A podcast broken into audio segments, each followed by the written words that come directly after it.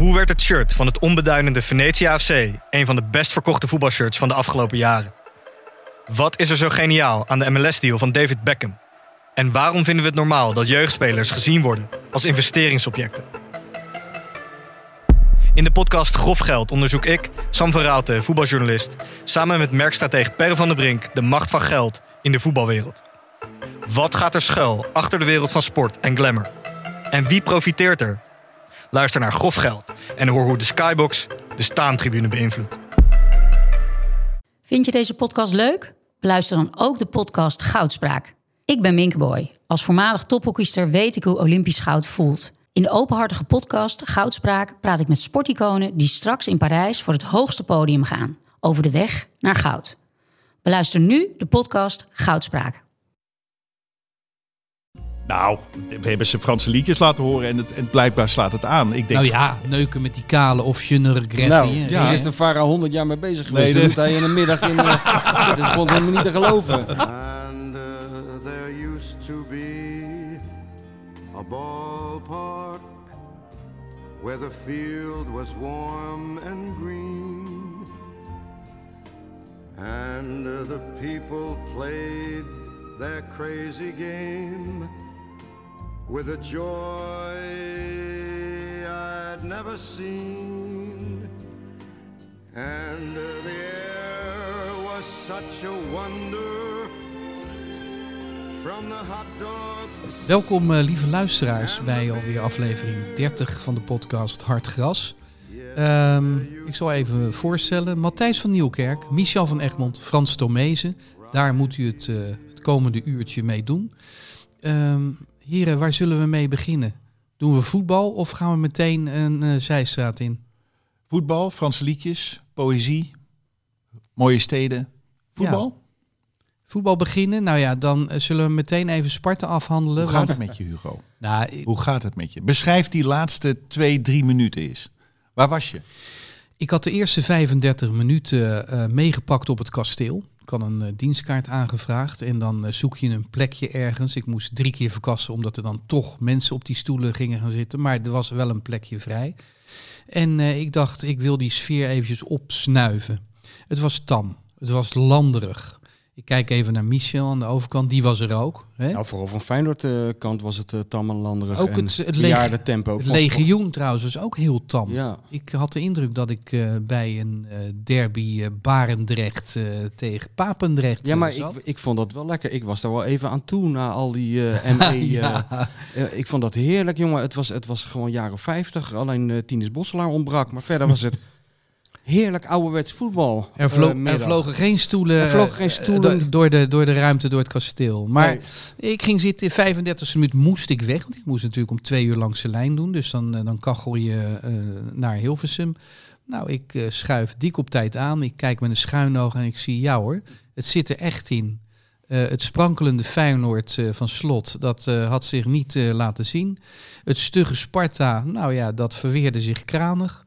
En eh, de nieuwslezer eh, komt eh, binnen en we maken zo een praatje. Hij zei, ik ben niet blij, jij wel zeker met die 0-0. Hij zei, ik ben voor Feyenoord. Ja, dat weet ik wel. Ik zeg maar, maak je geen zorgen, want de blessuretijd die moet nog aanbreken. Ik zeg, wij hebben een traditie. Vorige week nog bij RKC verloren. Hij begint het nieuws te lezen en ik kijk me voorbereidend op, op de uitzending eventjes naar het scherm. Ik zie een corner. En tot mijn stomme verbazing zag ik Sparta volharden in zonedekking. Laatste minuut, Dessers erin gekomen. Toch een spits. Ja. Die laat je niet op drie, vier meter vrij staan. Sparta deed dat wel. En eh, de bal eh, wordt keurig met de binnenkant van de voet, kan niet anders zeggen. Eh, ja, liet hij vallen in het verre hoekje. Onze geweldige keeper, niets om aan te merken. Die zette nog een vinger tegenaan, maar de bal gaat erin in. Dus ik sla op mijn voorhoofd achterover. En die nieuwslezer, die wordt normaal gesproken gecued door de eindredacteur. Maar dat was dit keer helemaal niet nodig. Die zag vanuit zijn ooghoek het, ja, het fatalisme, de, de verslagenheid bij mij. En schakelt meteen over, eh, we hebben een doelpunt. En dat was dus zonder cue eh, goed gezien van hem. Want eh, ja, het doelpunt werd gehaald. En omdat het in de 92e minuut was, was het klaar. Ja, wat er dan gebeurt, dan moet je nog vijf uur langs de lijn gaan doen. Eh, Dat, is, eh, dat, dat neemt dan wel af. Henry Schut is, is heel prettig gezelschap, want een em- empathisch mens. Dus eh, je krijgt een denkbeeldige schouderklopjes en kom op, ik sleep je er doorheen. Oh, dat lijkt me nog erger. Dat je dan zo'n wedstrijd hebt Medelijden, en je ja. verliest En dan heb je Henry Schut die je vijf uur lang gaat zitten op, oppeppen. Vreselijk. Zo. Nou, nee, dat Hè? is Zo moet fijn. er helder uitzien, denk ik. Ja. Nee, je moet het een beetje zien zoals eh Matthijs wordt gedragen in eh, chansons door zijn compaan. Ja, die is ook heel lief voor jou. Die is heel lief voor mij. Zeker. Rob Kems. Ja, Rob Kemps. Ja. Maar Hen- de verschillen tussen Henry Schut en Rob Kems zijn, zijn, zijn, dat, zijn er, dat zijn er veel. In decibellen sowieso. ja. Maar ze zijn wel empathisch. Maar zeker, Henry is ook een lieve jongen. Absoluut. Dus die heeft je de keur doorheen geduwd. Zeker. Ja, en, en daar Ben je dan, want, want je overdrijft natuurlijk ook een beetje nu. Ben je dan ben je een beetje grokkie wel? Naar zo'n, naar hij zo'n... doet wel pijn. Ja? Ja, zeker. Om, omdat ik me zorgen maak. Ik, ik vind het erg om te moeten degraderen. En dat ziet er nu echt wel, wel somber uit. Ja. En, de- en dat Ja. het tegen Feyenoord is, dat doet geen nee, dat maakt me niet uit. jou, Ik, ik, Nee. ik, ik hou van Feyenoord. Ik Ja. heb ooit dat boek geschreven, Michel, dat weet je ook. Mhm. En sindsdien snap ik Feyenoord. En Beste boek vind- over Feyenoord ooit, luisteraars. Ik zeg, ik zeg het er nog maar even bij. Koolsingel bleef leeg? Ja, tuurlijk.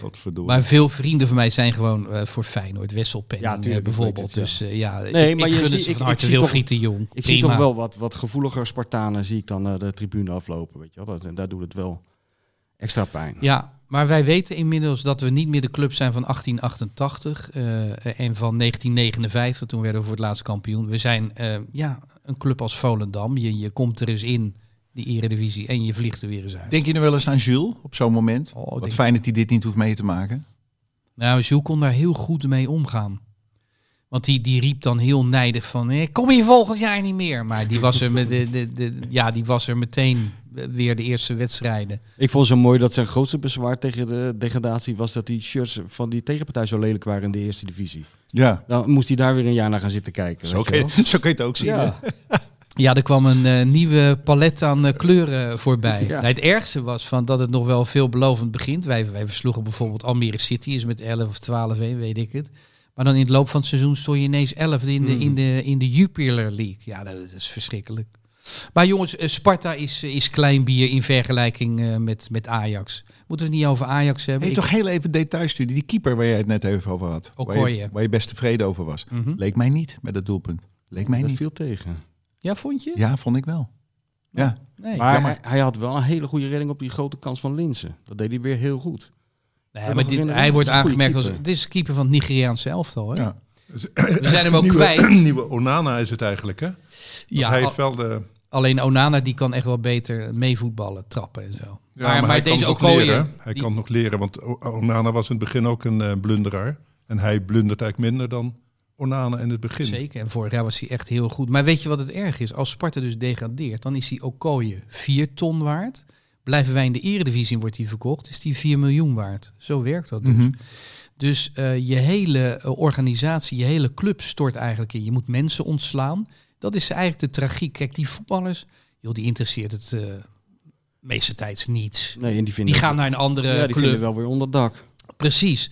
Maar je laat de supporters verweest achter. Je Mhm. laat de mensen die op kantoor werken met de onzekerheid achter dat ze ontslagen worden. Dat is eigenlijk het grote leed van een degradatie. Maar je hebt het nu al drie keer over degradatie gehad. Maar kerst moet nog komen. Ja, maar zo begint Hugo al aan het seizoen. Nou, maar zo, Dus- sta, zo sta ik eigenlijk wel in, in het leven. Ja, het glas is Vechten, hartstikke, vechten tegen het degradatie. glas is hartstikke half leeg. Er is helemaal geen glas bij Hugo.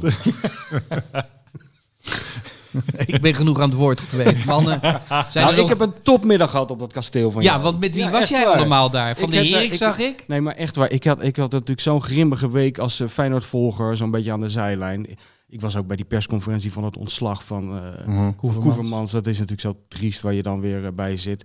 Op hetzelfde moment, diezelfde middag, een paar zalen verder, was de uitreiking van de biografie van Wim Jansen. Heeft ook een beetje een triest randje met, Ja. met dat nieuws dat, eh, dat het meesterbrein, zoals die in dat boek wordt genoemd, aan, aan dementie leidt. Een beginnende vorm gelukkig. Dus, en dan zie je al die beelden van die mafketels die de hele huisraad op het veld gooien in Limburg en zo. Dus ik, ik was wel toe aan een beetje ouderwetse eh, voetbalsfeer. En ik kwam dus terecht in zo'n unit, of hoe noem je dat bij, bij, bij Sparta? Zo'n- business unit. zo'n business unit. En ik ging helemaal terug in de tijd. Wie daar allemaal waren, jongen. Op, op een paar vierkante meter. Bert van Marwijk, Jorien van der Herik. Roy Makai kwam binnenvallen. Cor Pot, uiteraard. Robbie Jacobs zat in de hoek te mopperen, zoals het hoort. En, maar eh, was er iets te vieren of is, zijn die er altijd? Iemand had eh dat hele zootje bij elkaar uitge- uitgenodigd. Ebi Smollerek viel binnen. Smollerek. Ja, was heel goed. Die is nou voorzitter trouwens van de Poolse voetbalvakbond.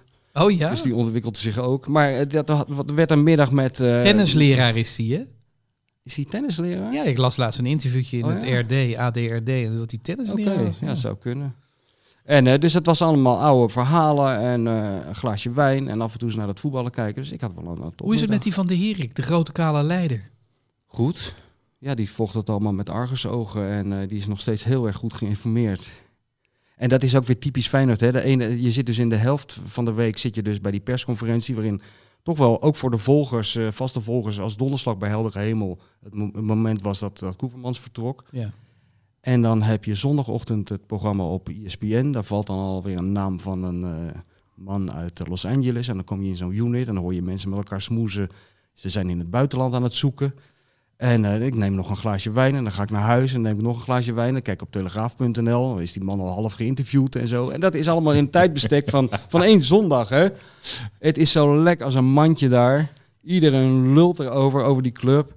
En wie En- is het dan, die man uit de Los Angeles? Ja, dat is die, eh, ik ben nou zijn naam vergeten. Hij is, eh, was vroeger van de Mexicaanse voetbalbond. Oh ja, iets met te. Ja, Ja, gekke te, naam. te, Ja. puntje, puntje, puntje. Maar gaat hij het worden dan? Nee, maar daar zijn ze mee in contact. Maar het ging mij er meer gewoon om dat er gelijk dat geruchtencircuit op gang komt. En iedereen zich daarmee gaat bemoeien. En daar allerlei waarheden en leugens en halve waarheden rondgaan. Daar is voetbal voor bedoeld, toch? hey, trouwens, die Toon van Bodegom, dat is de, de, de voorzitter van de Raad van Commissarissen. Dat lijkt mij een volslagen onbetrouwbaar sujet. Ja. Toon van Bodegom. Ja, Ken jij die Frans? Nee, ja, Nee, ik ik zie hem nu niet. voorbij komen in die nieuwsitems, maar ik ben niet zo nee, die in dat de- door al, al dat geknok en zo was de investeerder afgehaakt. ja. Nou, dit is echt... Ze echt- zijn 700 jaar op zoek gegaan naar een, een investeerder. Niemand heeft hem ooit gezien, een Amerikaanse investeerder. Niemand weet, niemand heeft, weet zelfs een naam, dus die man bestaat waarschijnlijk helemaal niet. Ze zijn wel in Amerika geweest, maar God mag weten met wie ze daar maar gesproken het is toch hebben. erg dat zo'n maar man nu jokt. had hij de pen al in de hand om zijn handtekening te zetten. En, eh, Maar door alle door alle toestanden, hè, door ja. de, de harde kern, de harde jongere kern eh, die eh, aan het eh, bekladden is en ruit aan het ingooien is, is die dan afgehaakt. Nou, ik geloof er helemaal niks van. J- jij weet eh, dat hij in een punkband speelde, toch? Die ja, man ja, ooit? vroeger hij was die punk, punkzanger uit, uit Delft of zo. Een of andere heeft ook plaatjes gemaakt en zo. Uit Delft? was een, een controversiële bandje ook. Ja, dat was nog een knokpartij Uit- uit- toch ja, geweest? Ja, ja, met, eh, ja, ik kan me de details nou niet van herinneren. Met iemand van Oor, geloof ik. Van muziektijdschrift Oor. Maar noemen ze de punkbandjes Ja. in Nederland, Frans. Jij bent van de muziek. Wie, wie- waar komen we dan? Die hadden wij nog- Punk in Nederland? Ja. Nee, Niet heel erg, hè? ik ken er geen in ieder geval. Dus, eh, Ja, de, de Rondo's uit Rotterdam. De Rondo's uit Rotterdam. Ken je die niet? Ja, die ken ik wel. Is dat punk? Ja, dat was, een, ja, dat was wel geacht een punkband te zijn. Oké. Nou ja, maar ik vond het meest opvallende dat eh, dat vertrek van die Koevermans werd gemeld. En er was heel weinig empathie, vond ik. Er werd heel weinig gesproken over wat het voor, voor Koevermans zelf betekende.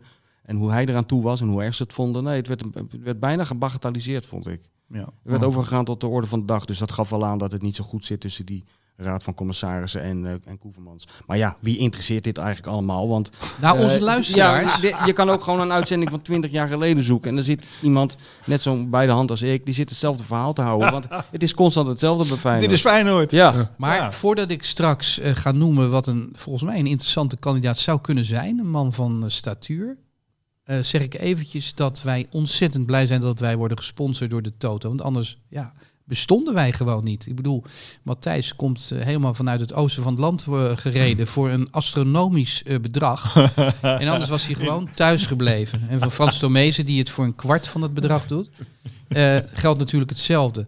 Eh, we gaan even voorspellingen doen. Nee, weet je wat? Die potten wij eventjes op. Ik ga nu met die kandidaat komen. En die leg ik even voor aan Matthijs van Nieuwkerk. Misschien heeft hij wel eens te maken gehad met deze kandidaat. Algemeen directeur.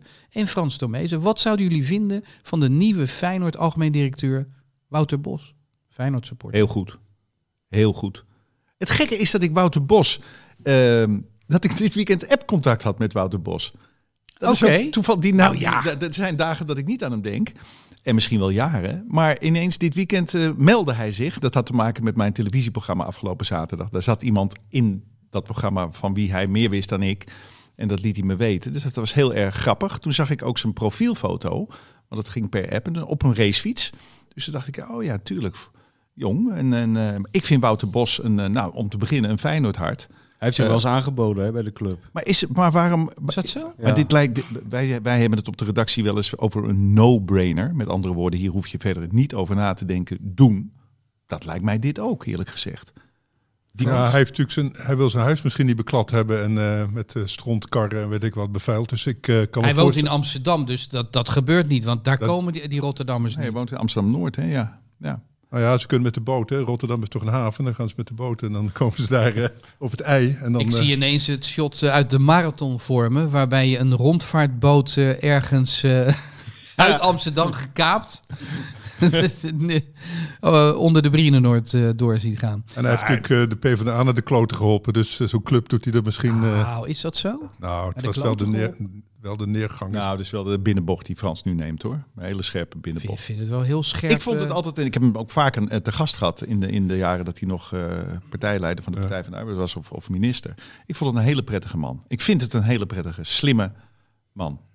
Ja, En tuurlijk. volgens maar, mij, ja, maar, en, en buiten mij iets te, te glad. Maar, is hij te glad? ja, dat gedoe met dat koffie. Ging hij toch koffie drinken met eh, de gewone man in een koffiehuis? Ja, dan ben ik al eh, klaar. maar je hebt er twee smaken. Of je gaat een roos uitdelen op straat, of je gaat koffie drinken met die mensen. Dat is een soort verplichting toch, bij die partij altijd geweest. Ja, de- dat- dat is waar. Dat, maar hij, folklore. nee, maar hij ging poseren. Hij, ging, hij was ook de eerste die met zijn gezin en weet ik wat. En, en Oh ja. als echte family man en zo. Ja, ik, ik weet niet. Ik vond het. eh, Je hebt de nog de neergang. Wouter, de Wouter Bos tapes heb jij nog in je achterhoofd. Weet je dat nog? Ja, ook dat, ja. ja. dat was een beetje Goede pijnlijk. documentaire Ja, was dat. zeker. Toen was hij zijn intuïtie kwijt. Ja, ja, ja. Toen zat hij, want hij was eigenlijk, het was Boy Wonder. Hij Ja. was echt wel zeer goed van de tonriem gesneden. Had de looks, had ook wel de scherpte en de visie op die partij. En het zat- kontje, hè? want dat was toch Fortuin. Die zei heeft een goed eh, kontje. Nou, die kon dat wel beoordelen. Dat weet ik niet. Maar ik weet wel dat hij in een kleedkamer zat, op weg naar een spreekbeurt of net daarna. En dat hij zei, die camera was een beetje fly on the wall. Ik ben mijn intuïtie kwijt. En toen was hij het ook kwijt. Zijn- His mojo didn't work anymore. Ja. Ik vond Fascinerend. Ja, ja hij, was, hij had natuurlijk alles mee, maar je zag ook, hij knipperde met zijn ogen. Hij had ook iets bangigs, vond ik. Ik vond eh, zo'n jongen op, op het schoolplein eh, en met voetballen, eh, had hij het niet gered, denk ik. Dus het is niet een jongen die, eh, als het erop aankomt, hij werd ook echt ge, door die, die de Verhagen en die gasten allemaal, die vuilakken van de CDA. En Ja, die naaiden hem. Even toch voor de goede orde, Frans. Mag ik nog heel even over Wouter Bos gaan? Toen die bankencrisis kwam en toen hij dus minister van Economische Zaken was onder Balkenende. Toen moesten ze dus een persconferentie geven. Gaan we die banken redden? Nou, toen heeft Balkenende die heeft maandenlang geen woord meer gezegd. Ja. Die wist Nee, niet dat heeft wat goed er- gedaan, Die ja. wist niet wat er speelde. En Wouter deed dat. Of Wouter, moet je mij horen. Meneer Bos, Wouter Bos deed dat eh, Ik denk, formidabel. ik denk dat jij wel een appje gaat krijgen hoor, deze week van Wouter. Ik weet niet of hij. Jij ik weet niet, ik- met Zet, verven. zet hem maar vast aan die telefoon. nou, Nee, maar ik we vind het- begonnen met de vraag of het een, of het een, Ja. of het een eh, directeur van Feyenoord zou zijn. Nou, ja, maar ja, de vraag is volgens mij bij Feyenoord nu een van de grote problemen. Kijk, Ja. als je goed bij je hoofd bent eh, als directeur, dan zeg je natuurlijk los eerst dat probleem van dat stadion maar op. Want anders kom ik binnen en dan, moet- en dan krijg ik dat op mijn bord. En dat is 50-50 hè, in het Rotterdamse. Ja, als, als het dat al is. Het gaat steeds meer richting niet, volgens mij. Maar, maar ik denk, kijk, nu Mark Koevermans is toch ook wel deels natuurlijk gesneuveld door de problemen met die supporters. En dat komt omdat Koevermans de strijd aan wilde gaan met die supporters. Dat is nou een van de eerste geweest die heeft gezegd, we accepteren het niet meer, we gaan er hard tegenin. Dat heeft hij weliswaar in, een besloten bijeenkomst gezegd, maar ook dat is natuurlijk weer uitgelekt. En daarmee is, is kwaad bloed gezet. Maar de vraag is, eh, w- wat voor eh, type heb je nodig? Heb je iemand die de verbinding zoekt met die supporters? Dan denk ik, ja, misschien kan Wouter Bos dat wel. Maar wacht nou Weet het niet zeker. Of moet je er keihard tegenin? Eh dat, is, dat is de vraag. Hmm. Moet je de weg voortzetten die Mark Koefmans heeft ingezet, maar wat hem wel zijn kop heeft gekost? Maar, ja, maar laten we het even samenvatten. Gaan we de verbinding aan? Eh Nou, 90% van de supporters eh, omarmt een man als Wouter Bos, denk ik. Dat is namelijk die zwijgende meerderheid. ja, maar de En problemen... die, kun- en die terreurjochies, waarvan ik heb begrepen dat het tieners zijn, eh, waar, waar heel moeilijk grip op te krijgen is, ja, die verzieken de boel grondig. Ja, dat is ook zo. Nou, Dat maar goed, dat, daar ligt dus het probleem bij die tien. Dat zijn die, die, eh, die paar duizend waarvan ze nu met angst en vrezen gaan kijken hoe ze zich in, Berlijn gaan gedragen. Ja, Michel, week. Michel gaat eh, voor zijn podcast eh, met Martijn Krabbedam, eh luisteraars, een tip eventjes. De Dik voor elkaar podcast. Met Die- CK, anders kom je heel ergens anders terecht. Ja, eh, wie, wie meer eh, eh, Michel van Egmond wil en Martijn Krabbedam erbij en, En wie wil Feyenoord. dat niet? En jullie hebben trouwens ook heel veel volgers uit Amsterdam, heb ik nee, begrepen. dat, dat klopt inderdaad. Is dit Nou. een Feyenoord? Ja, ik hoor het voor het eerst, Michel. Is dit een Feyenoord podcast? ja, dit is een podcast. En geweldige Dick is Dick podcast. advocaat? Ja, ja het is ooit begonnen als eerbetoon aan Dick Advocaat. Niet wetende dat hij eh, vrij, wel, vrij snel daarna werd vertrokken bij de club. Maar uit eerbetoon aan Dick houden we het gewoon zo. Oké, de En Dik het- voor elkaar En het leuke is, ze beginnen en ze houden nooit meer op. Ik Nee. word regelmatig wakker met Martijn Krabbedam eh, op mijn oor. Oh ja? En dan zit ik op 1 uur en 45 minuten. En ze gaan gewoon nog steeds door. Een aanrader. Weet je dat ik de Dik voor elkaar podcast met een K, dus Ja, André ja. van Duin, die kan je dus op Spotify eindeloos vinden. Dat ik wel eens een autoritje maak naar het oosten. Dan ben ik- zit ik anderhalf uur in de auto. En dan luister ik er twee. Ja man, En dat doe ik steeds vaker. En daar die zijn dan gewoon van bij. 15 jaar geleden. Het is werkelijk waar. tijdloos. Het is tijdloos. Coat and Bee kan je gewoon ik over moet daar 50 jaar... zo vreselijk om lachen als oma Joop binnenkomt. Het is een Monty En dan- Python, eh, Dik voor elkaar, eh eh Coat and Bee. Ja. Dat kan je over 100 jaar nog doen. En jouw kinderen en je kleinkinderen ook. Het is zo... Geniaal. Ja. Wat is hier, joh? Ik wou net vragen, wil je hem even doen, ome Joop? Het is al gedaan. Wat is hier, joh? en zit jij dan ook zo in de Nee, auto eerst- zelf? nee, het is, het is dit, oma Joop. Oh, dit is oma Joop. Dan gaat de deur open. Eh, wat is er, mensen? Hé, oma Joop. Daar is de koffie! Maar dit verraadt een routine, hoe jij dat nou doet, Matthijs. Dat jij gewoon de hele weg van Amsterdam naar Alpen, Almbe, hoe heet dat kutdorp waar je woont, dit zit te doen. Rustig aan. Oh, neem me niet kwalijk. Rustig aan. Nee, dat komt gewoon... Nee, ik doe het niet. Nou, maar hij laat dus altijd... Ja, sorry, het is elke keer hetzelfde. Hij laat dus een wind bij binnenkomst. en dan zeggen die twee vrouwen, dat is dus andere... Hebben een luchtje weer, hè, Joop? Hé, hé, oma Joop, weer een wind. hè, Oma Joop.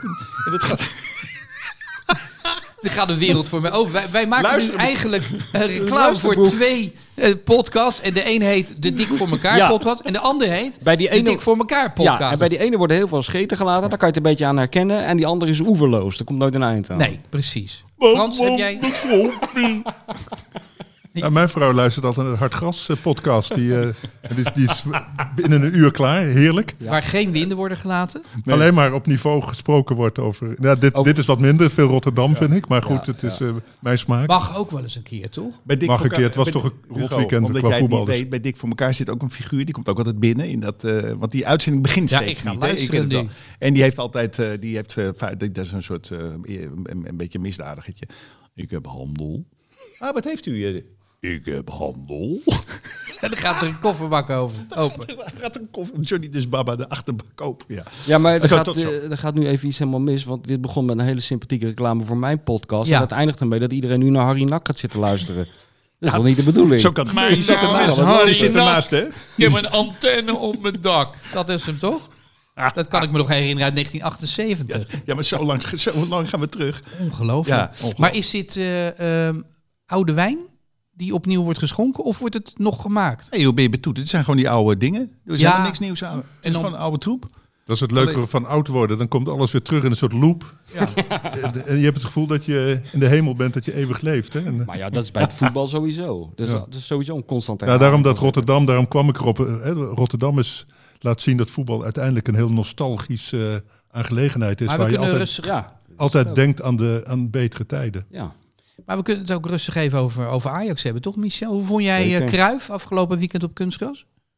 Eh Cruijff, ja. Hij is, me, ik- ja. hij is me niet zo opgevallen, inderdaad. Nee, hè? Ik had op de nieuwe Nee. Johan Cruijff moeten letten. Maar ja, normaal gesproken verwacht je dat dat vanzelf gaat. Was Ja. dat Met de nieuwe Even Johan voetbalde Cruijff. Ajax dit weekend dan?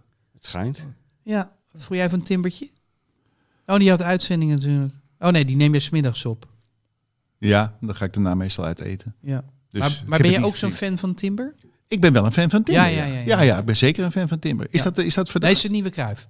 Je mag ook God zeggen. Ja, wie, wie citeer jij nu? Want dat, dat is maar even Cruijff is Henk Spaan, hè? Ja. En de, de, de- Oh, wij- Henk zegt dat het een nieuwe Ja. Cruijff is? En wij, hebben, de- wij hebben toen de onvergeeflijke fout gemaakt, Hugo en ik, om daar een hele kleine aanmerking op eh, te maken.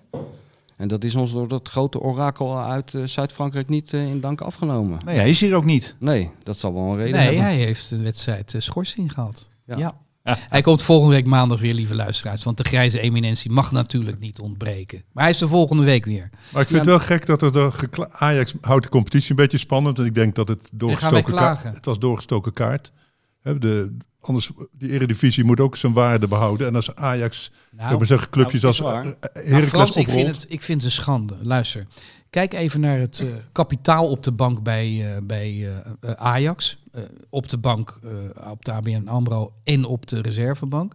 En dan staan ze eigenlijk maar één punt voor op dat arme, tierige Feyenoord. Mag ik even uh, citeren? Een, een zak geld kan niet scoren. Hè? Dus dat, is, dat zegt mij niks. Dat, Ja, maar ik, ik, ik vind toch dat je alles uit je mogelijkheden moet, moet halen. En dan stelt Ajax toch met zeven verliespunten alweer flink teleur. Dat, dat wou ik toch even en twee doelpuntjes tegen. Dat vind ik ook wel grappig. Ja. Hè? Dus, eh, Ja, als je met twee doelpunten tegen zeven verlies, eh, verliespunten kunt creëren, doe je iets niet goed. ja, voorin dan. Ja, nee, maar goed. Ik, eh, ik vind niets weg. Want woensdag gaan we weer naar Dortmund. Dortmund. Hij ging Ja. helemaal handen wrijven, zag je dat? Ja, hij dat ging is een van, een van de weinige Nederlandse voetbalsupporters, Ajax-supporters, die handen wrijvend naar Dortmund gaan. Doet hij dat ook als hij de doden moet bespreken? Frans, zijn er nog doden te betreuren? Jij bent chef dood van deze podcast? Nee, sinds ik het ben, eh, vluchten, vluchten, ze allemaal, vluchten ze allemaal weg. Dus eh, iedereen leeft nog. Er is eh, niks gebeurd. Dus, maar Maar je neemt ook wel eens een voorschot op, op de dood. Ik, ik, hoorde je, nou wordt het gevaarlijk. ik hoorde je vorige week over Wim Jansen eh, ja, iets, iets opmerken. nou ja, natuurlijk, Alzheimer is natuurlijk in zekere zin de kleine dood natuurlijk. Omdat de, de persoonlijkheid... eh, Nou ja, Michel zei, van. godzijdank is het beginnende dementie. En dat is voor, voor mij serieus, en nu gaan we weer ernstig kant op, voor mij het moment, als het mij zou overkomen, om, om eruit te stappen. Dat meen je niet. Ja, maar wat is, wat is beginnen? Beginnende dementie, jazeker. Ja. Ik heb hier altijd enorme discussies met Adelheid over. Die vindt dat ook... eh eh, Adelheid Rozen, daar maak ik eh, series mee over eh, dementie. En die zegt ook, "Hugo, moet, je- moet je niet doen. Ehm, zij vindt dat je tot het laatst toe eh, ja, moet, moet ervaren wat je, wat je overkomt. Maar ja, ik vind, als je dat korte termijn geheugen eh, kwijtraakt... eh, en misschien ook wel het lange termijn geheugen, als je ja, afhankelijk bent geworden, dan moet je eruit stappen. Heb, Dus je dat, heb je dat al geregeld? ik, ik heb wel nodige geregistreerd, ja. En ook filmpjes opgenomen, ja. Hoe ik daarin sta. Hoe Ja. bedoel je filmpjes opgenomen? Nou, het is dus zo met ernstig ziek zijn dat je met een bepaalde regelmaat moet opschrijven ofwel inspreken. ehm, ja, hoe je, hoe je je einde voor je ziet. En mensen denken dat je moet naar de notaris om dat te regelen. Is helemaal niet waar. Dat kun je gewoon zelf in een schriftje keurig bijhouden met eh, om de drie maanden. Maar jij mankeert nu toch helemaal niks? Eh, nee, Nee. nee. maar je schrijft niet. toch om de drie maanden iets op over stel dat Ja. het zover komt. Ja, dat, ja, dat je hebt die poedertjes al besteld op dat internetadres? Nee. Of, eh? Nee, nee, dat heb ik niet gedaan. Nee. Hey Hugo, dit is wel een toppodcast voor jou. Hè? We beginnen met Sparta en we zijn zo langzaam bij je dood aangekomen. Ik weet niet wat we hierna nog gaan bespreken. Je mislukte begrafenis Nou ja, misschien, maar dan nou hebben we ja. het echt helemaal verpest voor je voor deze maandagochtend. Ja. Hè? Ik kan, ik kan al aan, aan Hugo beginnen, geloof ik. Hè? Voorzichtig. We doen de voorspellingen eventjes. Eh, eh, wie speelt er voor Henk Spaan? Eh, Michel, wil jij dat doen? Ja. En ehm, Frans, ben jij eventjes Frank van der Lende? De optimist, ja. De optimist, de, de vrolijke noot. Ja. Ehm, Dortmund-Ajax, Henk Spaan. 6-0 voor Dortmund. Ongelooflijk. Ja, ik ben het daar helemaal mee eens trouwens hoor. Vooral omdat die Timber zo slecht in vorm is de laatste tijd. Matthijs van Nieuwkerk. 6-0. 0-2. Hugo Borst, 2-1 voor Dortmund. Ja, Frank eh, zit billen te knijpen, die maakt er 2-2 van. Heel goed, gaan we door naar Monaco tegen PSV. Henk Spaan. 3-2 voor Monaco. En eh, waar ik net eh, dat de andere zei, is het 1-3 voor Ajax natuurlijk. Ah. Oké, oké, oké. Matthijs. 1-1. Eh, Monaco, PSV 1-0. Nou, Frank denkt dat eh, PSV wint met 2-1. Nou, hartstikke leuk. Het blijft een optimist, ook als het om Eindhoven gaat. Feyenoord AZ, komend weekend. Dat is een lekker potje, zeg. Henk? Heel veel oud zeer onderling, of nieuw zeer eigenlijk bij Feyenoord AZ. Maar eh, volgens Henk wordt het 2-2. 2-2. Eh, Matthijs? Easy 3-1. Hugo Borst 1-0. Frank van der Lende. Ja, die denkt dat AZ met 3-1 wint, maar ik denk zelf dat Feyenoord gaat winnen. Nou, hebben we deze plichtplegingen ook gedaan. Ehm, eh, we gaan het zien eh, deze week en eh, van het weekend.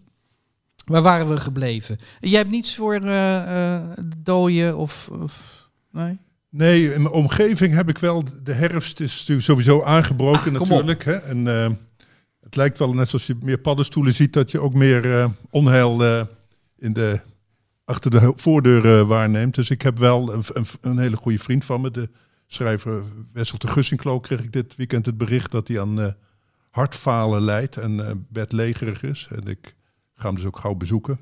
Hij is geen luisteraar van deze podcast, daarvoor luistert hij te graag naar zichzelf. maar hij, zegt, hij ik wil wel zeggen, het is een van de, een van de geestigste schrijvers, van de levende schrijvers. Hij leeft nog dus. Anders had jij dit ook niet gezegd. Hè, voor, het geval dat hij het zou kunnen beluisteren. Als hij geen humor Kom jij, hiermee, kom jij hiermee weg, toch? Ik vind vriendschap betekent ook dat je... Uitdeelt. in een ja. podcast uitdeelt. Ja, ik- nee, maar ik, ik, het, het is een inleiding om iets heel aardigs te zeggen. Ik vind hem eh, de geestigste schrijver die ik ken. Hij heeft, een boek geschreven, hij heeft een aantal boeken geschreven. Maar de beste boek vind ik De Hoogstapelaar. Dat gaat over een... de Hoogstapelaar is ook een germanisme voor bedrieger. Dat gaat over een, een, een jonge jongen die, eh, die zich ja, God waant en tegelijkertijd niets waant. Eh, bekend verschijnsel onder adolescenten. Ik leid er nog steeds aan. Thuis ben ik alles en in de buitenlucht verdampt dat ineens. raar genoeg. Ook in de herfst. Ook in de herfst, maar ook in de zomer. Vooral in de zomer in mijn zwembroek. Maar, maar in de, alleen in de winter voel ik me op mijn gemak. Dan eh, zit ik lekker binnen. Dus dat, eh, dat heeft hij ook, dus die, eh, die Wessel. En dat is een geweldig, ge- geweldig boek. En, en de, een van de leukste dingen vind ik dat hij als scholier een, een praktijk begint als psychotherapeut. Gaat die jongens van advies geven wat ze moeten doen om er wat beter uit, te, uit te komen. En dan zegt hij bijvoorbeeld een jongen die heeft nogal een wijkende kin en dan met een, een, een mummelend stemgeluid. Zegt hij, goh joh, je moet toch echt iets aan die kin gaan doen. Dat, eh." nou ja, dat, eh, ik, eh, ik lig weinig te rollen op de vloer als ik lees, maar bij Wessel eh, de- ja, ontplof ik regelmatig in een, eh, in een Ik, weet nog dat een van mijn eerste literaire interviews bij Parool, dit is dus jaren negentig, eh, nee, eh, nee, jaren tachtig, eh, eind jaren tachtig, was met Wessel de Gussinklo. Dat was toch een veelbelovend debuut? dat was een fantastisch debuut, volgens mij genomineerd voor toen nog de ACO. Ja, vooral zijn tweede boek. Zijn debuut is, is De Verboden Tuin. Dat is een beetje ook niet zo'n Hoe heette beste dat tweede boek, Frans? De Opdracht. Een krankzinnig boek over een jeugdkamp. Wat eigenlijk ook li- lijkt op een, op een concentratiekamp op de Veluwe. Waar zo'n jonge, eh, de jonge held eh, binnen wordt geleid in de donkere bossen van de Veluwe. En hij droomt van leiderschap. Hij, hij wordt ook gepest, en weet ik wat. Maar hij droomt van leiderschap en hij heeft drie helden. Hitler, eh, Roosevelt en Stalin.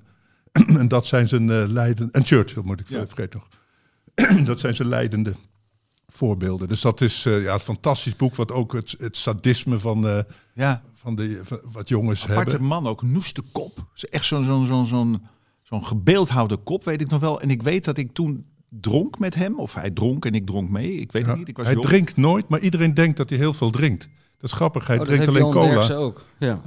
Eh, Maar hij maakt de indruk van inderdaad... Hij heeft nooit gedronken.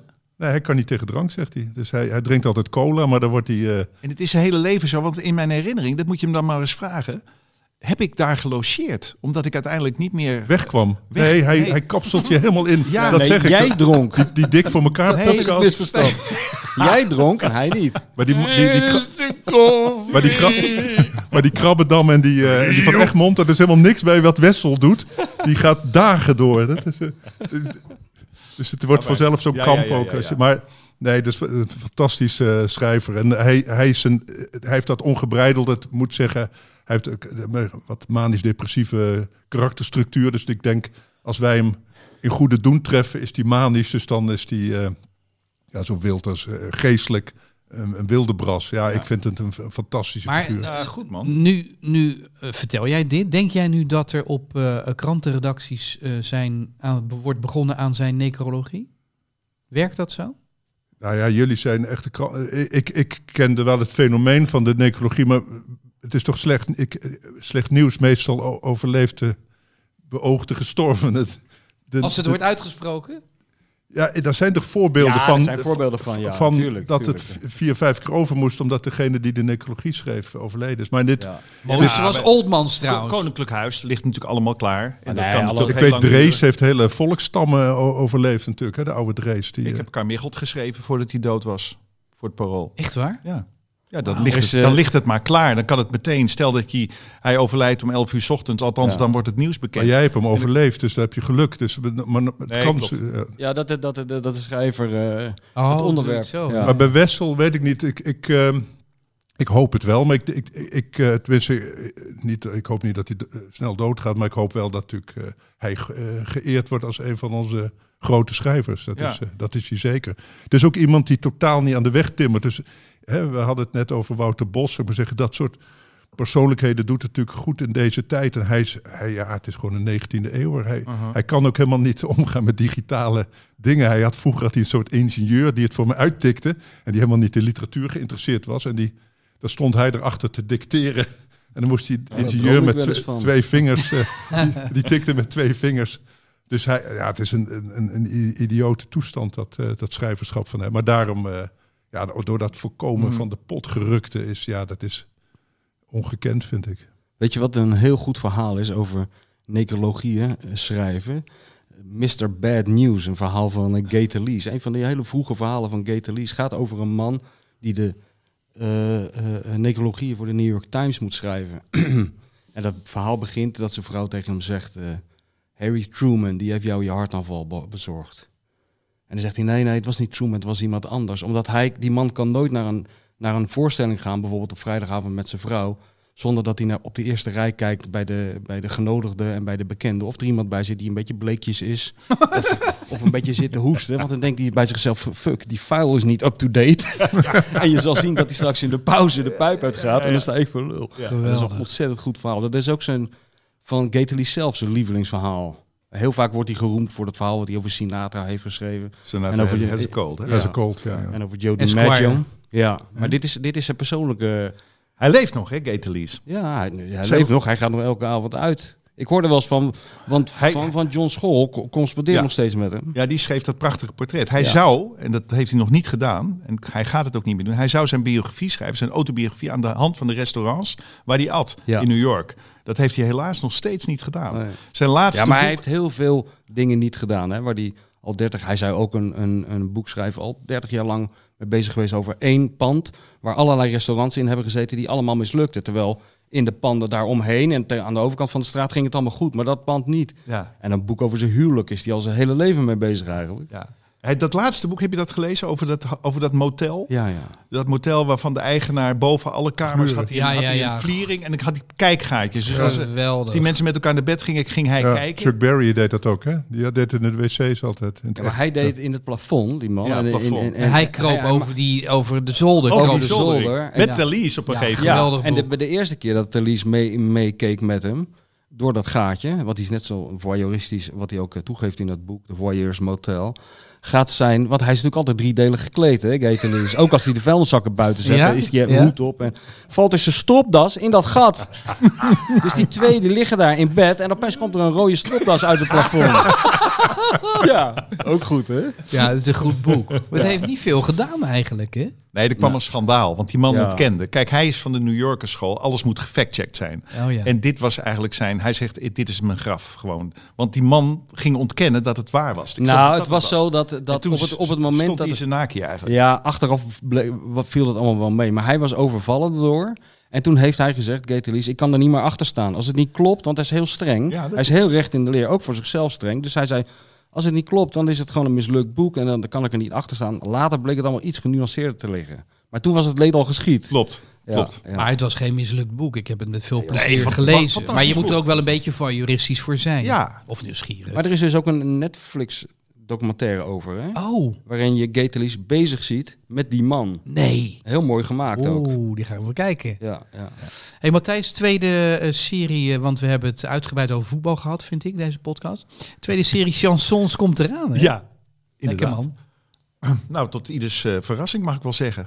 Toen wij in Parijs rondliepen deze zomer, hadden wij geen flauw benul van hoeveel mensen dit leuk zouden vinden. Ik dacht alsmaar, het is een niche. Eh, het Franse liedje, ja, who cares? Wie zingt het nog? Wie, wie, draait het nog? En, eh, maar ja, uiteindelijk werd het toch op de NPO 1 uitgezonden. Wij dachten NPO 2, of, weet ik veel wat. We deden onszelf eigenlijk vooral een plezier, Rob Kemps en ik. En het clubje wat we het met wie we het maakten. Maar er hebben ontzettend veel mensen gekeken. En er komt nu een boekje uit.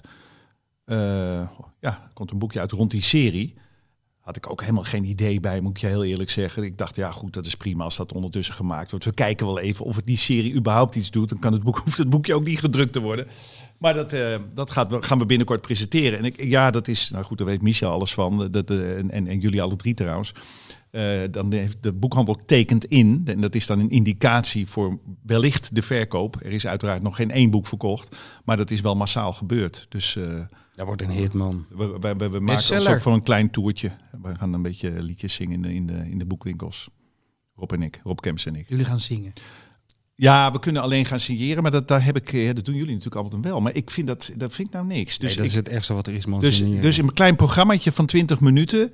En daarna dan zingen we met z'n allen een lied met al die mensen die daar, hoop ik, staan. Of, Als de poppies een beetje zo. Le Nee, maar, eh, poppie- ook weer le met eh, poppie. Christa op de piano. ik zou je vertellen, eh, weet, Ja. je, weet je wie Rob, Rob Kemps is, Frans? Ja, ja, ja. Ja, oké. Hij is de. Ja. Eh, Dat, is een, dat is een grote, ja, dat is, dat is iets, ik wist niet dat het bestond. Maar Van ben links naar rechts enzovoort. Van links naar rechts. ja. Ik ben er geweest in de Gelderdoom. Eh, dat duurt drie uur. Er zijn 30.000 mensen die hebben de avond van hun leven. Die gaan helemaal Die Gelderdoom die gaat helemaal van links. Gaat- die, die die, gaat let- helemaal. die gaat letterlijk ja. van Ja, links moet naar je rechts. niet in Nijmegen doen. Nee, nee, nee. Maar Rob zei toen, eh, en wij gingen daar natuurlijk met z'n allen heen. Hè, we gingen naar zijn werk kijken.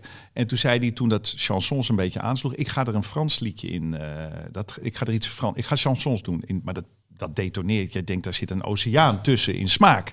Hè? En eh, ineens gaat het licht uit in dat Gelredome. En we hebben net eh Lee Towers gehad en Jan Smit. Er zijn allerlei gasten.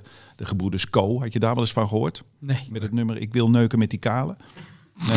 Wi- Willy en René? Nee, maar goed. Ik heb nogal wat eh, nieuwe dingetjes geleerd daar, nieuwe nummers. Echt zo'n stadionlied is dat, denk ik.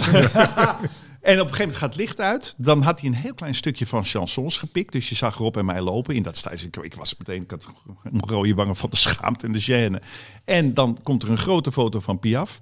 En dan zingen toch vijf seconden later zingen 30.000 mensen non regrette rien. Dat vond ik toch wel heel erg knap. Dus eigenlijk heb jij het volk, eh wat zeggen we dan? Eh, ja, verheft, verheven. Nou, we hebben ze Franse liedjes laten horen en, het, en blijkbaar slaat het aan. Ik denk, nou ja, neuken met die kale of je ne regrette. Nou, ja. hier is de Farah 100 jaar mee bezig geweest. Nee, de- hij in een middag in... eh, dat is gewoon helemaal niet te geloven. Dankzij Rob Kemps. ja, Dat had Marcel van Dam nooit gedaan. nee, de, Hè? the one and only. Ja. Het gaat over Kees Jansma, dat lied, denk ik. Dat denk ik ook, ja. Oh my god. Wat goed. Hey, ik was ook nog even in Parijs vorige week. Maar weet je wat me wel opviel? Ik liep daar eh, drie dagen rond. En dan kom je inderdaad van alles en iedereen tegen. Piaf, een of eh, dingen zie je. En ik heb een mooi boek over Hemingway gekocht. En Ja. van alles, maar, maar- maar- maar pas na drie dagen liep ik door de metro. En toen zag ik een grote poster met Neymar en Messi. Toen dacht ik, oh ja, die voetballen hier ook natuurlijk in de stad. Het is niet echt een voetbalstad. Hè? Nee, Ze hebben klopt. de aller, allerbeste voetballers ter wereld. Maar ja, of ik moet niet opgelet hebben, maar je merkt er weinig van. Nee, dat klopt. Dat klopt. Je ziet eigenlijk ook eh, muurschilderingen in... eh, in eh, wij zaten nu bij Rue de Mouffetard. Dat is een, gewoon een, een arrondissement, doet er verder niet toe. Ook Hemingway gebied. Nee, dus, Ja, dit is dat toch bij de Bastille daar? Bij ja, de, daarachter, ja, ja, ja. achter, nee, het is, nee, nee, het is Of, achter, oh nee, dat is in de Quartier Latin. Dus die, eh, dat, het is dat achter, vroeg, het, achter het Pantheon is het. Ja, ja. Achter het Pantheon. En dan zie je muurschilderingen maar van vroeger inderdaad- altijd die, een beetje die eh, Braziliaanse zangers en zo zaten. Hè? Ja. Voilà, voilà. En dan zie je muurschilderingen van inderdaad grote schrijvers. Sartre, Beauvoir, ze- eens op een muur. Krankzinnig eigenlijk. En inderdaad, voetbal zie je alleen op de Champs-Élysées. Want daar zijn die Maar ze hebben ook niet zoveel clu- In Londen hebben ze, weet ik wat, eh, Ja. 20 profclubs of zo. En, en dan heb- elke wijk heeft zijn eigen stadion, bij wijze van spreken. Ja, maar de Ja, in Parijs is dat allemaal aan eh als Bois de niet- Vincennes en weet ik wat. Allemaal, Ja. Ja, dat wel. Maar als jij nu door Napoli gaat lopen, dan hoef je maar drie keer de hoek om te, te Ja. gaan. Dan sta je weer oog in oog met Maradona. ja. Nee, dat klopt. Het is geen, voetbal, het is geen voetbalstad. Heb je dat nog gezien, hoe de verjaardag van Maradona werd gevierd? Bij Boca Juniors. De eerste sterfdag. Ja, of de eerste sterfdag. Ja. Heb je dat nee, gezien? Nee. Ja, ik moet altijd zo ontzettend om lachen. De wedstrijd werd gestopt. Huilen. Ja, het hele stadion huilen. En, en, en, en een shirt aan een... Als ik het goed heb gezien hoor. Ik geloof een shirt aan een ballon. Ja, het had weer zoiets grotesks en ongemakkelijks en moois tegelijk. Dat heb ik altijd bij dat soort dingen. Je zit er naar te kijken. Je, uit het ene moment denk je bij jezelf, wat een waanzin, wat een massahysterie. En later denk ik, dat is ook wel weer mooi. Nou, Daar is dat voetbal voor bedoeld. Zo is het toch. Toen, toen de, de, documentaire over Maradona, hoe die Napoli, zo'n stad daar in het zuiden van Italië, weet je wel, altijd opboksen tegen dat noorden, hoe die zo'n stad, Ja, nee, godverdorie, gelukkig maakte. Gewoon gelukkig maakte. Die hele stad. Ja. Ja, ik zie de, het shirtje van Dries Mertens nog niet eh, de lucht in Gaan een daar. verrekijker erbij leveren. Hè? Maar die heeft wel meer gescoord volgens mij dan Maradona. Ja, hij heeft een record verbroken. Ja. Ja. Nou jongens, we zijn eh, diep op het voetbal ingegaan eh, deze podcast. Ik kijk even naar Pelle. Op hoeveel minuten zitten we? Kunnen we al een factuur sturen of moeten we nog vijf minuten erbij lullen? Zeg het eens Pelle. Krijgen jullie betaald? Nog tien jongens, minuten. hiervoor? Nou, Wordt hiervoor betaald? Maar jij bent eigenlijk de enige die van zijn uh, lullig honorarium afziet. Ja, Vind ik heel nobel, maar jij verdient ook natuurlijk bakken vol met geld. dat klopt. Maar, en, je, en, en, en jij ziet niet van je salaris af? Nee, nee, zeker niet. Want ik moet heel de tyfusend van Rotterdam naar Amsterdam rijden. nou, En ik ben hier 49 euro aan het parkeren kwijt. Toch, ja, zo? zeker weten, ja. Dus eh, die lullige 200 euro, die steek ik lekker in mijn zak. Gaat de helft af van de belasting. Maar ik zei wel tegen Frans eh, van de week... Ik zie, jij kan gewoon stoppen met het hele schrijven. Jij, jij zit hier zo vaak. Het is gewoon een fulltime baan. Dit is gewoon zijn, ik voel wel zijn als, verdienmodel. Zijn Dus, verdienmodel geworden. ja. De dood is een verdienmodel voor deze man. Er gaan, Ja. zullen altijd Over- voetballers doodgaan. Over de rug van anderen rug van rijk worden. anderen. Ja. Ja. Schraap ik mijn geld binnen hier. Ja, Ja. heerlijk. Trouwens, eh, Matthijs, jij stuurt wat Nederlanders naar Parijs. Bewust of onbewust met dat programma. Nou, weet je dat ik... Dat is echt niet te geloven. Allemaal neuriënd door die straat. Nee, maar dat zal echt zo zijn. Ik denk, als je dat zou gaan Nou, onderzoeken... ik zou je zeggen dat wij... eh, op een reisbureau zijn een ad- begonnen. Een advertentie... Nee, nou, wij zagen een advertentie in de krant namens de NS. Moet je nagaan.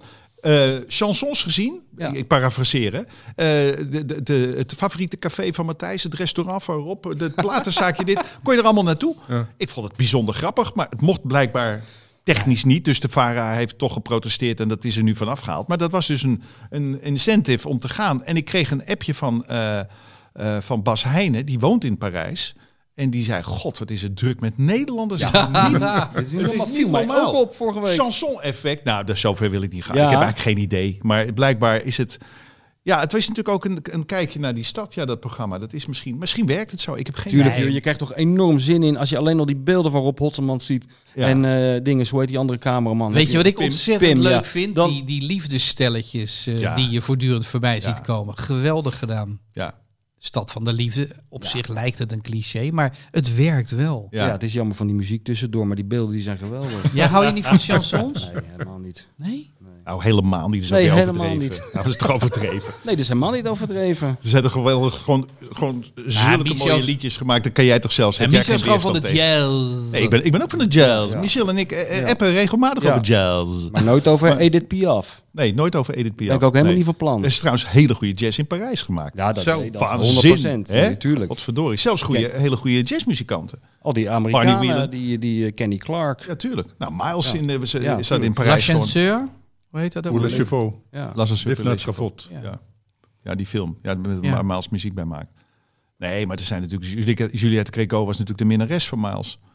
Ja. Déshabillez-moi. Ik vond, ik vond. Harry Nak beter. Nou, kijk. Jeetje. Hey, we zijn vo- het volk, Frans, jij we zijn wel het volk wel Franse aan het verheffen, hè? Ja, Ja, zeker. ik, ik heb wel... eh, ja, eh, sowieso vanwege de Tour de France, Radio Tour, weet je wel. Dat, dat, dat roept Ici Radio Tour de Ja, France, le dat- spectacle de la NOS. de toedoedoedoe, eh, die, die, die toeters van die... Dat is een imitatiewedstrijd aan het worden. En, eh, en, de, en, en de vakanties natuurlijk. Hè? Dus het uh, Julien Claire en dat soort dingen. En, Oh ja. Maar ik moet zeggen, toen ik eh, scholier was, ja, ik luisterde toen liever toch naar Bob Dylan en weet ik wat, Ja. en Engelstalige dingen. Het was toch eh, de muziek de papa een beetje. Oui, oui, oui.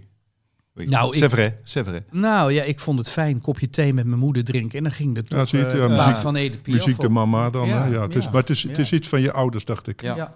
Zeker. Maar je wilde het toch meenemen. Staat toch op mijn Spotify. Ja, ik was een fan trouwens van Georges Moustaki. Ja, Le Métèque. Le Métèque. Ja, Dat vond ik ons wel... pleintje was het Place Georges Moustaki. Aan het einde van de Rue de Mouffetard. Dat was ons hotel. Dat is ook toevallig. Ja. Ja, nu heb je het eh, onthuld waar je hebt geslapen. Nou Ja. kan je dat niet meer eh, in je reisbureau. eh, Voor de mensen die willen badderen in het bad waar Matthijs in heeft gelegen. Dat heb je nu onthuld. Hey, maar is het nou zo dat jij eh, jouw compaan pas weer in mei ziet? Of ben je nog flink aan het appen met hem? Wij appen bijna elke dag.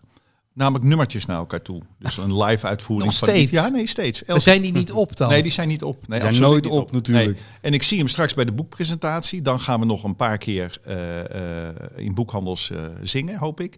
Dan maak ik een oudejaarsuitzending van mijn eigen programma. Maar dat wordt een helemaal Franse uitzending. En die wil ik samen met Rob presenteren. En dat mag hij van John de Mol. Dus dat gaan we samen doen. Dus dat wordt een Matthijs gaat door met het orkest van Sven Hemmend, et Wacht cetera. even, is dit nieuws? Ja, dat is nieuws, ja. Oh, nou, eens even kijken of ze het eruit halen. Of ze helemaal tot einde luisteren. moet Dennis Jansen heel goed opletten. Ja, Dus ik zie hem. En dan gaan we weer op reis. Dus dan, eh, ik, eh, ik zal hem wel af en toe blijven zien, ja, zeker. En, en schrijf, schrijf jij het boek? Of schrijven jullie het boek? Wij hebben allebei stukjes geschreven daarvoor.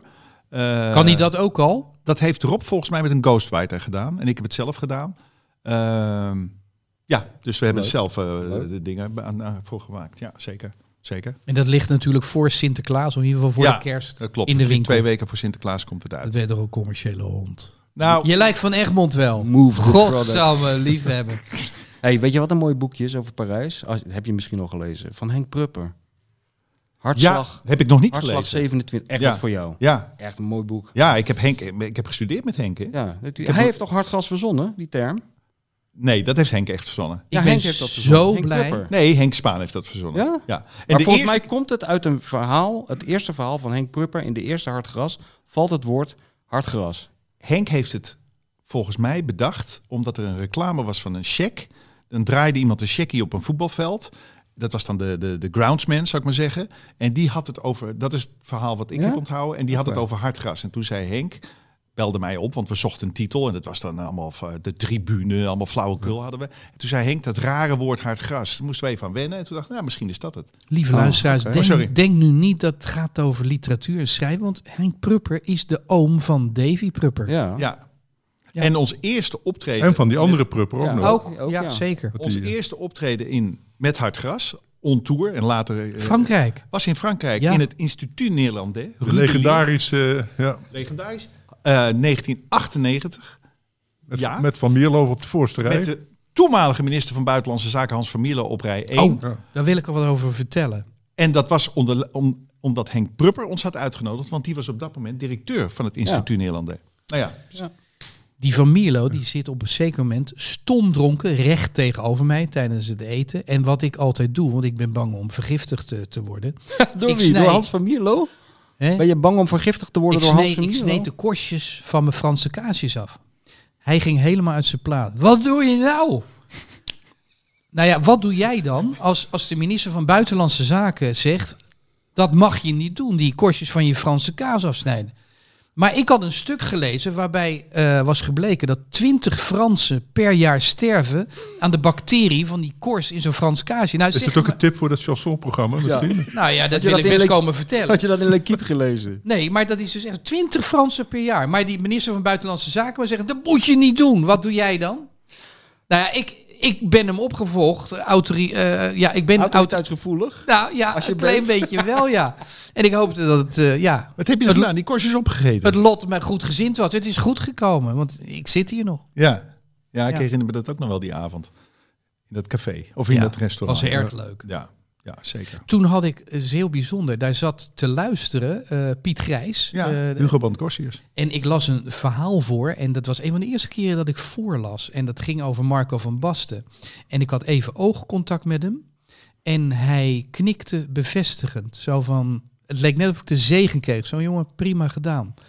En dat was al heel bijzonder. Want het was een ja, hele cynische, Ja. cynische man eigenlijk. Maar die gaf eigenlijk zijn zegen. Dat, kan Door ik me Willem, Frederik. Hermans, door Willem Frederik Hermans Malle Hugo gedoopt. Hè? Omdat Dat hij moet toch je nou ook, weer eh, niet zeggen.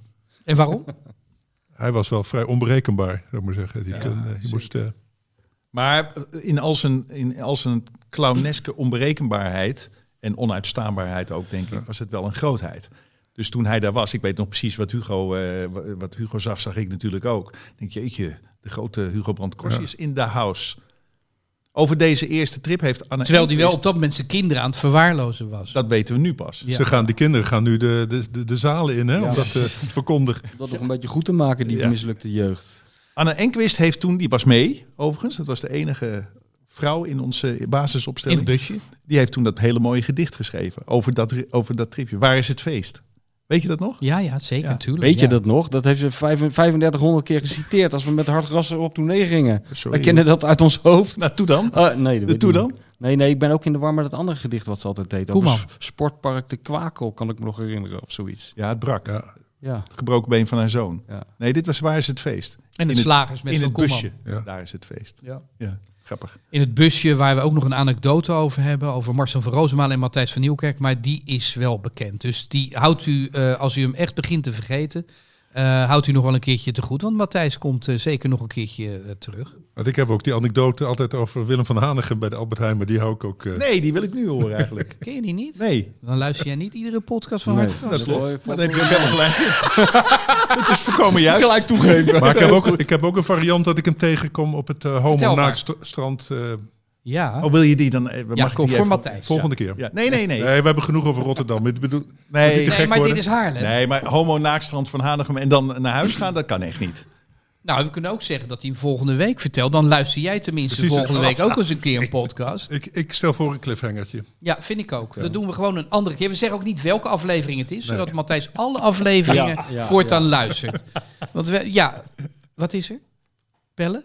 Nee, je, je hinderlijk eh, gezwaai met de handen, wat is dat? Oh. ophouden. We zijn gesponsord door de Toto. Dat had ik al gezegd. Dat wil ik best een tweede keer doen. Eh, en dan zegt Henk Spaan altijd: Toto 18 plus, speel bewust. Ja, want dat is zo. bewust, bewust. Anders ruimt het niet. Oké. Dat is ook Rotterdams, toch? Bewust? Nou, dan ga jij het voortaan zeggen. Oh, ja. Goed. Maar ik kan niet zo goed Rotterdams als jij. Ik eh, vond het een fijne podcast, heren. Is er nog iets voor de rondvraag? Eh, nou, zeg ja, maar kom maar. Nee, ik heb niks. Je hebt niks, Michel? Ga je wel eens naar Go Ahead Eagles kijken? Ik ben net uitgenodigd. Toevallig, vorige week was er iemand in, de, in, de, in het publiek van mijn programma. En dat is de stadionspeaker van Go Ahead Eagles. Oh. Daar heb ik een lange brief van gekregen. Of ik op de, bij de wedstrijd Ajax Go Ahead Eagles, ik geloof in februari pas, naast hem wil zitten in dat kleine hokje waar hij waarschijnlijk zit. Je bedoelt Go Ahead Eagles Ajax. Go Ahead Eagles Ajax, Ja. excuus, in Deventer, vlak bij mijn huis dus. En dan zou je het leuk vinden als we eh, in, de, in de rust, of wanneer dat is, ik weet het eigenlijk helemaal niet, Franse plaatjes draaien. Ja, nou, ophouden nou. Nou kappen met die chansons. We gaan geen chansons draaien in Adelaarshorst. Dan kan je Nou, beter... Nee, dat- nee, Hey, nee. maar luister- nee, maar jij, Ja, maar nee, maar jij ben- bent er nu echt in gaan geloven. Nee, maar luister, ben- ik, ik heb nou een weekend Nee, in maar- Parijs tussen neuriënde Nederlanders gelopen met die kutmuziek. En nou ben ik thuis. En nou wil ik... Nou, speelt er in jouw achtertuin de meest spectaculaire voetbalploeg van Nederland. Daar zit ik van te genieten. Dan wil ik niet dat geneuzel van Charles Aznavour op de Ik achtergrond. citeer dus You'll never walk ik- alone. ik wil citeer nou Ja, horen. of dat nummer- of- nog Ja, een keer. maar Of- jij, jij Of moet dat nummer over gaan. Kees Jansma. Kan misschien Ja, nog. die, die kale die wil neuken. Dat kan ook nog. Dat accepteer ik nog. Maar ik wil geen Edith Nee, Piaf je- terwijl ik naar Kees van Wonderen sta te kijken. Lieve luisteraars, dank voor het luisteren. Het was een eh, bijzondere podcast. Deze aflevering nummer 30. Tot volgende week. Goed je weer te zien, Michel. Ja, trouwens. gezellig. Yes, there used to be a ballpark